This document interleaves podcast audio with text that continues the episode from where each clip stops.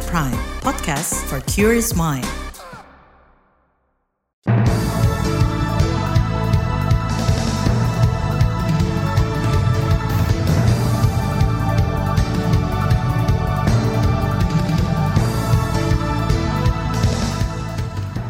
Selamat pagi saudara, berjumpa kembali dalam Buletin Pagi edisi Rabu 10 Januari 2024.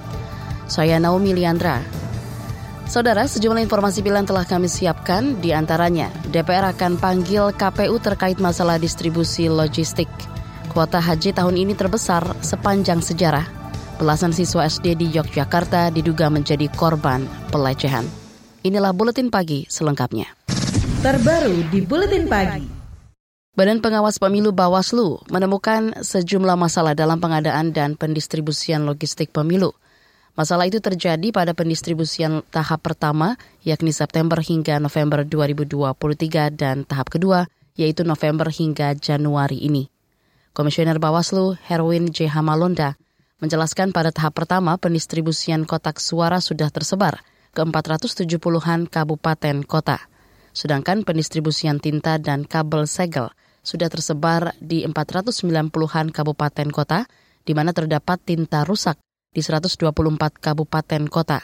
Sedangkan distribusi segel sudah tersebar di 480-an kabupaten kota dan ditemukan segel rusak di 30 kabupaten kota. Terdapat kerusakan cacat itu ada 177 uh, kabupaten kota atau 34,5 persen. Nah bilik suara nah, yang terpenuhi di 497 kemudian uh, kekurangannya tersebar di 17 kabupaten kota baru uh, terdapat kerusakan cacat persebaran di 61 kabupaten kota. Hasil pengawasan distribusi logistik tahap kedua ditemukan surat suara rusak di 127 kabupaten kota. Lalu ada 60-an kabupaten kota yang surat suaranya belum sesuai jumlah yang seharusnya. Di Jambi, pengawasan distribusi logistik sempat dihalang-halangi pihak tertentu. Ada juga pembongkaran logistik di gudang yang tidak resmi di Gunung Sitoli, Sumatera Utara. Ditemukan juga distribusi logistik yang tidak tepat atau salah alamat di 10 kabupaten kota. Temuan ini cukup fatal karena rentan dimanipulasi. Respons kondisi tersebut, Komisi Pemilihan Umum KPU siap menyelesaikan semua masalah kerusakan logistik di berbagai daerah.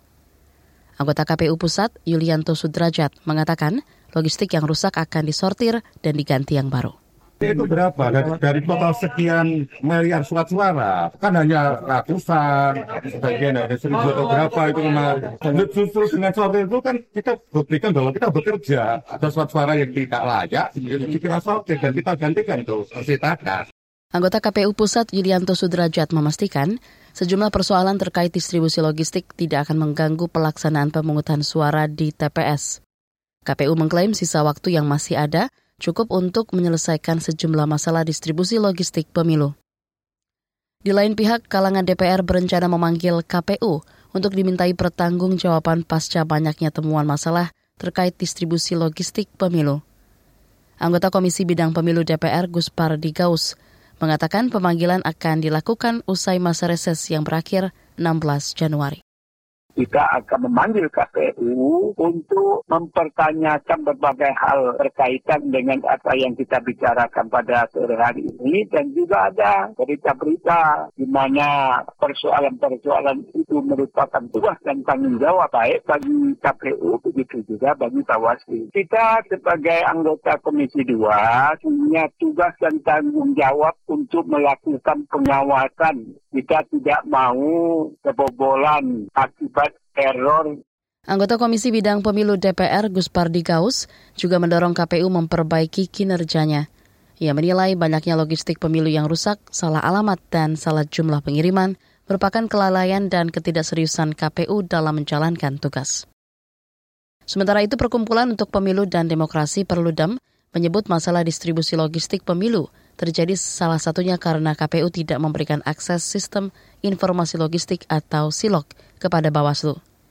Menurut peneliti Perludem Kavi Adlan Hafiz, kendala Bawaslu mengakses SILOG akan menambah parah sisi pengawasan penyelenggaraan sekaligus membuka peluang praktik pemilu curang Ketika kemudian KPU sudah punya sistem, ada silok misalnya, yang ini tidak diberikan akses, nah ini tentu sangat mengkhawatirkan sebetulnya. Karena logistik ini jadi satu aspek yang sangat penting di dalam pemilu. Logistik inilah yang menjadi salah satu cara, menjadi salah satu titik krusial ya, titik rawan kecurangan, titik rawan pelanggaran ya di dalam pemilu. Maka kemudian KPU harusnya membuka akses.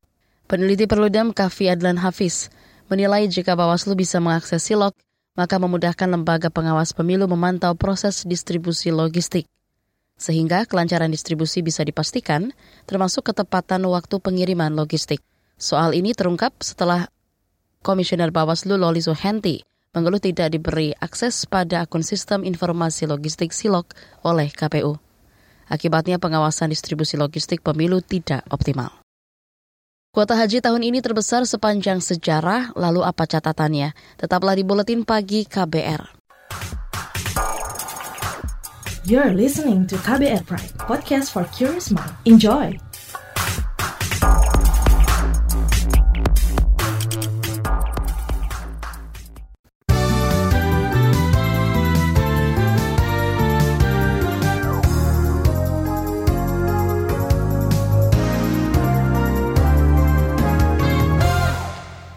Anda sudah mendengarkan buletin pagi KBR. Kabar Pemilu. Kabar Pemilu. Menko Polhukam Mahfud MD meminta Pusat Pelaporan dan Analisis Transaksi Keuangan PPATK objektif menjalankan tugas dan tidak terpengaruh situasi politik. Mahfud meminta PPATK menjelaskan dugaan transaksi janggal penggalangan dana pemilu yang mencapai triliunan rupiah. Saya bilang kerjakan uh, tugas-tugas yang telah ditentukan oleh undang-undang tanpa terpengaruh oleh situasi politik. Eh, objektif saja silakan kerja. Gitu aja. Iya itu termasuk termasuk yang harus di apa dijelaskan oleh PPATK sendiri. Besok saya suruh jelaskan sendiri. Jangan saya nanti eh, menjadi dinilai politis. Sebelumnya Kepala PPATK Ivan Yustiavandana mengungkapkan temuan transaksi janggal triliunan rupiah di masa kampanye. Menurut Ivan, laporan terkait dana pemilu kian masif ke PPATK dan sudah berlangsung sejak setahun lalu. PPATK juga menyoroti rekening khusus dan dana kampanye RKDK milik partai-partai politik. Karena angka nominal di RKDK cenderung tidak berfluktuasi. Padahal masa kampanye sudah dimulai dan sedang berjalan, sehingga seharusnya ada dana masuk dan keluar di rekening khusus kampanye itu. Beralih ke topik lain, Saudara, Presiden Joko Widodo saat ini tengah berkunjung ke tiga negara ASEAN. Jokowi menjelaskan lawatan ke Filipina, Vietnam, dan Brunei Darussalam merupakan kunjungan balasan. Kunjungan terakhir saya ke ketiga negara ini sudah lebih dari lima tahun yang lalu dan sudah dikunjungi oleh beliau-beliau ke Indonesia mungkin tidak sekali, dua kali, tiga kali, bahkan ada yang lima kali, baik Perdana Menteri maupun Presidennya. Presiden Jokowi menjelaskan di Filipina dirinya akan memperingati 75 tahun hubungan diplomatik kedua negara. Kata dia, Filipina mitra penting karena membeli banyak alutsista buatan Indonesia. Di Vietnam, Jokowi akan membahas pencapaian target perdagangan bilateral, sedangkan di Brunei Darussalam, Jokowi bakal menghadiri pesta pernikahan putra Sultan Hasanal Bolkiah, yaitu Pangeran Matin. Beralih ke informasi lain. Sebagian kalangan wakil rakyat di parlemen mengingatkan Kementerian Agama untuk mengevaluasi rinci kesiapan layanan dan fasilitas penyelenggaraan ibadah haji tahun ini. Sebab menurut anggota Komisi Bidang Agama DPR Iskan Kolbalubis, penyelenggaraan haji tahun lalu banyak dikeluhkan – terutama layanan catering makanan dan tempat pemondokan jemaah. Tahun ini dengan jumlah jemaah haji yang lebih banyak lagi, maka perbaikan layanan harus lebih paripurna.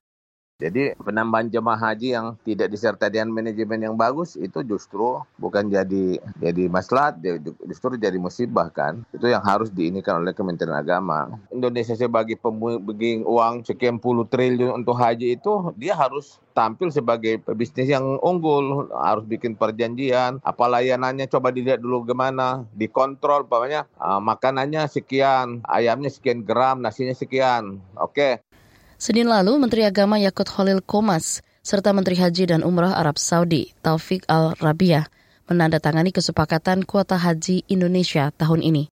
Jumlahnya 241 ribu jemaah, terdiri dari 221 ribu jemaah kuota normal dan 20 ribu jemaah kuota tambahan. Jumlah ini terbesar sepanjang penyelenggaraan ibadah haji Indonesia. Beralih ke berita ekonomi, Otoritas Jasa Keuangan OJK mengungkapkan ada tujuh perusahaan asuransi yang kini dalam pengawasan khusus. Menurut Kepala Eksekutif Pengawas Peran, Perasuransian OJK, Ogi Prastomiono, jumlah itu di luar PT Asuransi Jiwa ProLife yang dulu bernama Industrial Life dan sudah dicabut izinnya tahun lalu. Dalam rangka penegakan hukum dan perlindungan kepada konsumen di sektor uh, eh, PPDP, OJK terus melakukan pengawasan khusus terhadap tujuh perusahaan asuransi dengan harapan perusahaan dapat memperbaiki kondisi keuangannya untuk kepentingan pemegang polis. Kepala Eksekutif Pengawas Perasuransian OJK, Ogi Prastomiono, menambahkan pengawasan khusus juga sedang dilakukan terhadap perusahaan dana pensiun bermasalah. Desember lalu OJK sedang mengawasi secara khusus 12 perusahaan dana pensiun. Tujuh di antaranya adalah dana pensiun BUMN. Kita ke berita mancanegara. Diplomat Belanda Sigrid Kaag pekan ini memulai tugasnya sebagai koordinator senior kemanusiaan dan rekonstruksi Perserikatan Bangsa-Bangsa PBB untuk Gaza. Kaag juga telah menerima mandat membentuk sebuah mekanisme PBB guna mempercepat pengiriman bantuan kemanusiaan ke Gaza melalui negara-negara yang tidak terlibat konflik. Juri bicara Sekjen PBB Florencia Sotonino menjelaskan KAH pekan ini akan terbang ke Washington guna melakukan sejumlah pertemuan. Sesudah itu, KAK yang merupakan Menteri Keuangan wanita pertama Belanda akan memulai tugasnya di Aman, Yordania sebelum ke Mesir dan ke Gaza. Sigrid Kaag pernah menjabat koordinator khusus PBB untuk Libanon periode 2015-2017. Sementara itu Kementerian Kesehatan Gaza kemarin melaporkan jumlah warga Palestina yang tewas akibat serangan Israel di jalur Gaza sejak 7 Oktober sudah melampaui 23 ribu orang dan hampir 59 ribu orang terluka. Kita ke berita olahraga.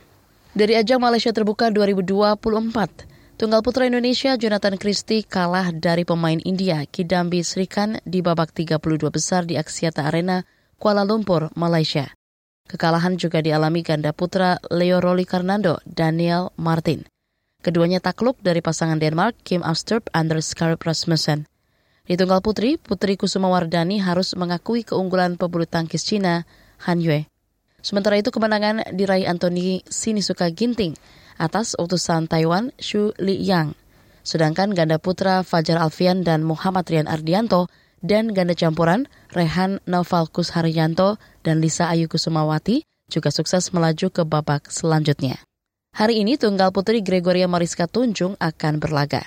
Begitu juga ganda putra The Daddies, Hendra Setiawan dan Muhammad Asan, Bagas Maulana dan Muhammad Sohibul Fikri, serta dua ganda campuran Rino Frivaldi dan Pita Haningtyas Mentari dengan Dejan Ferdinansyah dan Gloria Immanuel Wijaya. Beralih ke sepak bola, Timnas Indonesia kembali kalah menjelang Piala Asia 2023. Kali ini tim Garuda kalah saat uji coba melawan Iran dengan skor 0-5 dalam laga yang digelar tertutup di Al Rayyan Sports Club Training Qatar selasa malam. Sebelumnya Indonesia kalah dua kali saat melawan Libya. Laga uji coba digelar sebagai persiapan menghadapi Piala Asia 2023. Di bagian berikutnya kami hadirkan laporan khas KBR tentang vonis bebas Haris Fatia tetap tak jamin kebebasan berekspresi. Tetaplah di Buletin Pagi KBR. You're listening to KBR Pride, podcast for curious mind. Enjoy!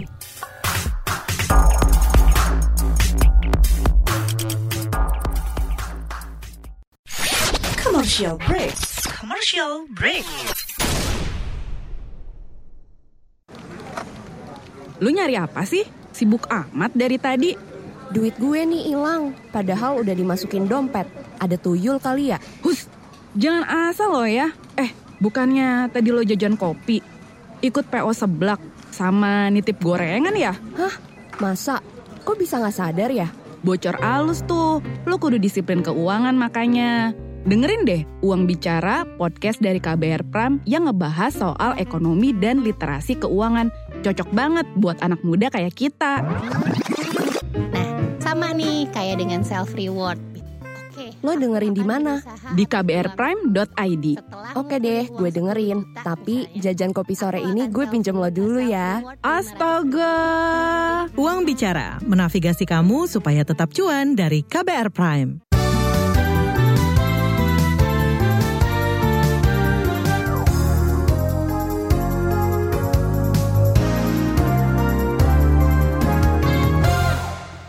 Anda masih bersama kami di Buletin Pagi KBR. Pengadilan memvonis bebas Haris Azhar dan Fatia Maulidianti dalam kasus dugaan pencemaran nama Menteri Luhut Binsar Panjaitan. Vonis bebas ini diapresiasi berbagai pihak dan dianggap sebagai bukti hukum masih berpihak kepada rakyat. Namun, vonis bebas tetap dianggap belum menjamin kebebasan berekspresi masyarakat dalam mengkritik pemerintah. Simak laporan khas KBR disusun Astri Yuwanasari. Aktivis hak asasi manusia Haris Ashar dan Fatia Maulidianti bisa bernafas lega setelah dinyatakan tidak bersalah dalam kasus dugaan pencemaran nama Menko Kemaritiman dan Investasi Luhut Binsar Panjaitan. Putusan itu diumumkan Ketua Majelis Hakim Cokorda Gede Artana dalam sidang pembacaan amar putusan di Pengadilan Negeri Jakarta Timur awal pekan ini menyatakan bahwa para terdakwa tidak terbukti secara sah dan meyakinkan bersalah melakukan tindak pidana sebagaimana didakwakan penuntut umum dalam dakwaan pertama, dakwaan kedua primer, dakwaan kedua subsidiar dan dakwaan ketiga. Menimbang bahwa oleh karena dakwaan penuntut umum tidak terbukti maka sesuai pasal 191 ayat 1 KUHAP maka para terdakwa diputuskan bebas dari segala dakwaan. Haris Asar sebelumnya dituntut pidana 4 tahun penjara dan denda 1 juta rupiah, sedangkan Fatia Maulidianti dituntut pidana tiga setengah tahun penjara dan denda 500 ribu rupiah. Jaksa mendakwa dua pegiat hak asasi manusia itu mencemarkan nama Luhut bin Sarpanjaitan. Kasus ini bermula dari acara dialog Haris dan Fatia dalam video berjudul Ada Lord Luhut di balik relasi ekonomi operasi militer Intan Jaya. Video itu diunggah melalui kanal YouTube milik Haris. Usai difonis bebas, Haris Ashar menyebut kemenangannya adalah kemenangan rakyat yang sekaligus menghancurkan oligarki. Saya pikir doa dari keluarga Fatia, keluarga saya, gak henti-henti dan luar biasa. Support dari teman-teman gerakan sosial seperti yang teman-teman bisa lihat di luar, dari KASBI, Social Movement Institute, semua jaringan korban, aksi kamisan dari seluruh kota, teman-teman anti korupsi. Menurut saya ini adalah gerakan sosial yang paling termanifestasi dengan sangat baik di ruang pengadilan. Ini yang kita sebut sebagai aktivisme pengadilan yang berpihak pada hak asasi manusia, lingkungan hidup, dan juga masyarakat adat. Sementara Fatia Maulidianti menyebut vonis bebas kepada dirinya menjadi bukti bahwa hukum masih berpihak kepada rakyat. Ia berharap masyarakat bisa menyampaikan kebebasan pendapat tanpa takut dikriminalisasi.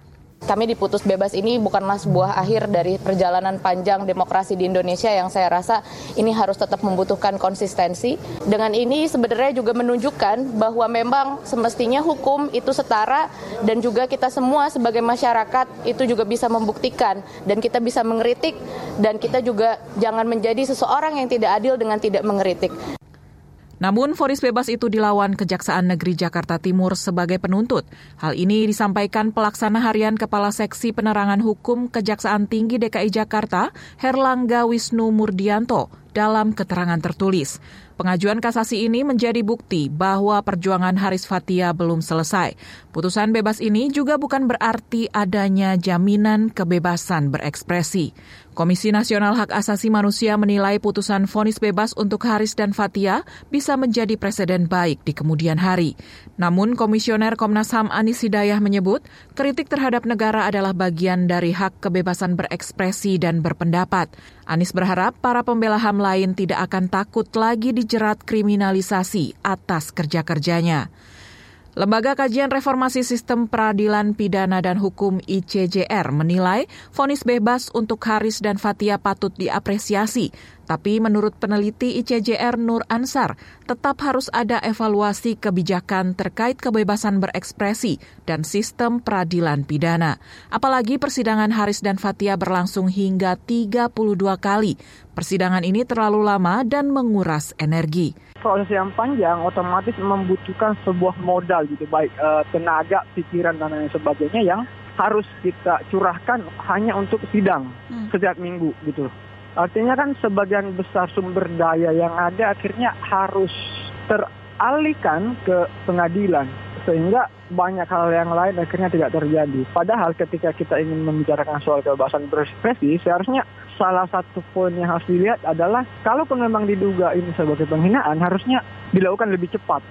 Demikian laporan khas KBR, saya Astri Yuwanasari. Saudara, usai laporan khas KBR, informasi dari daerah akan hadir usai jeda. Tetaplah bersama Buletin Pagi KBR. You're listening to KBR Pride, podcast for curious mind. Enjoy!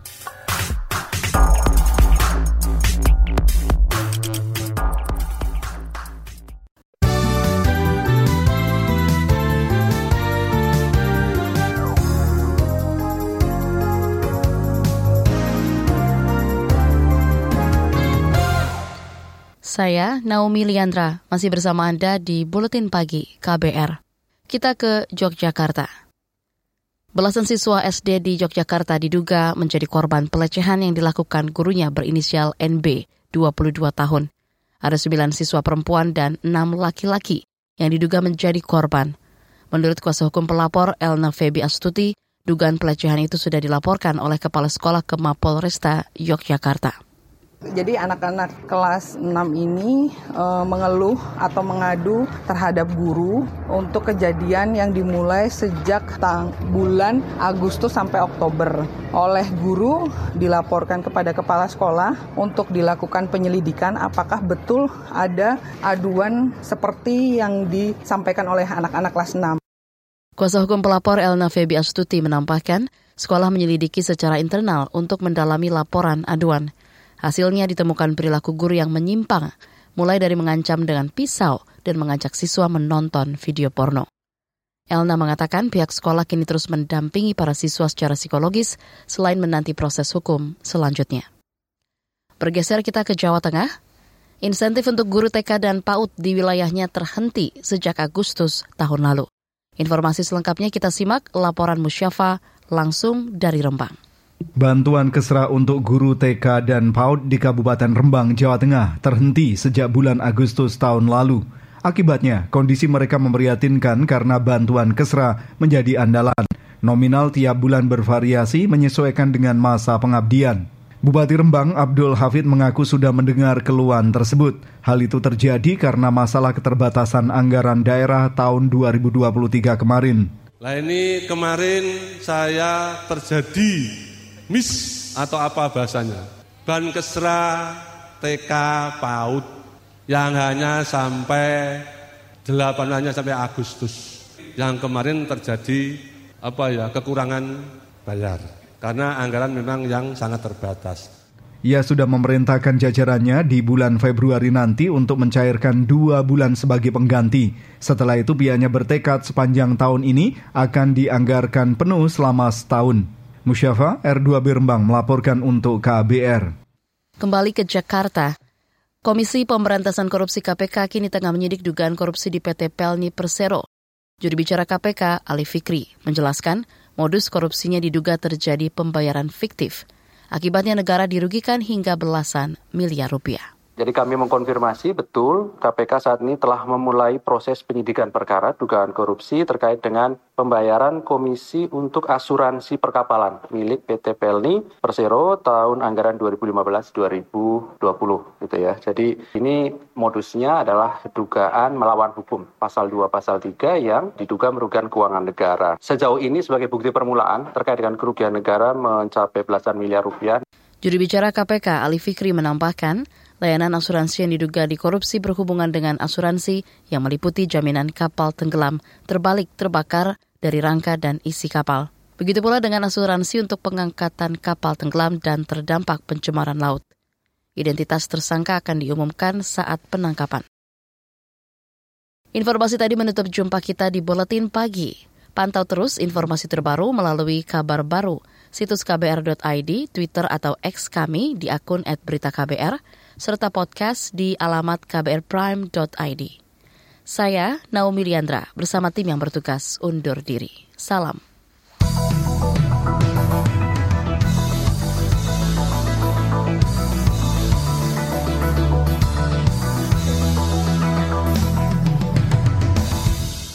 KBR Prime, cara asik mendengar berita. KBR Prime, podcast for curious mind.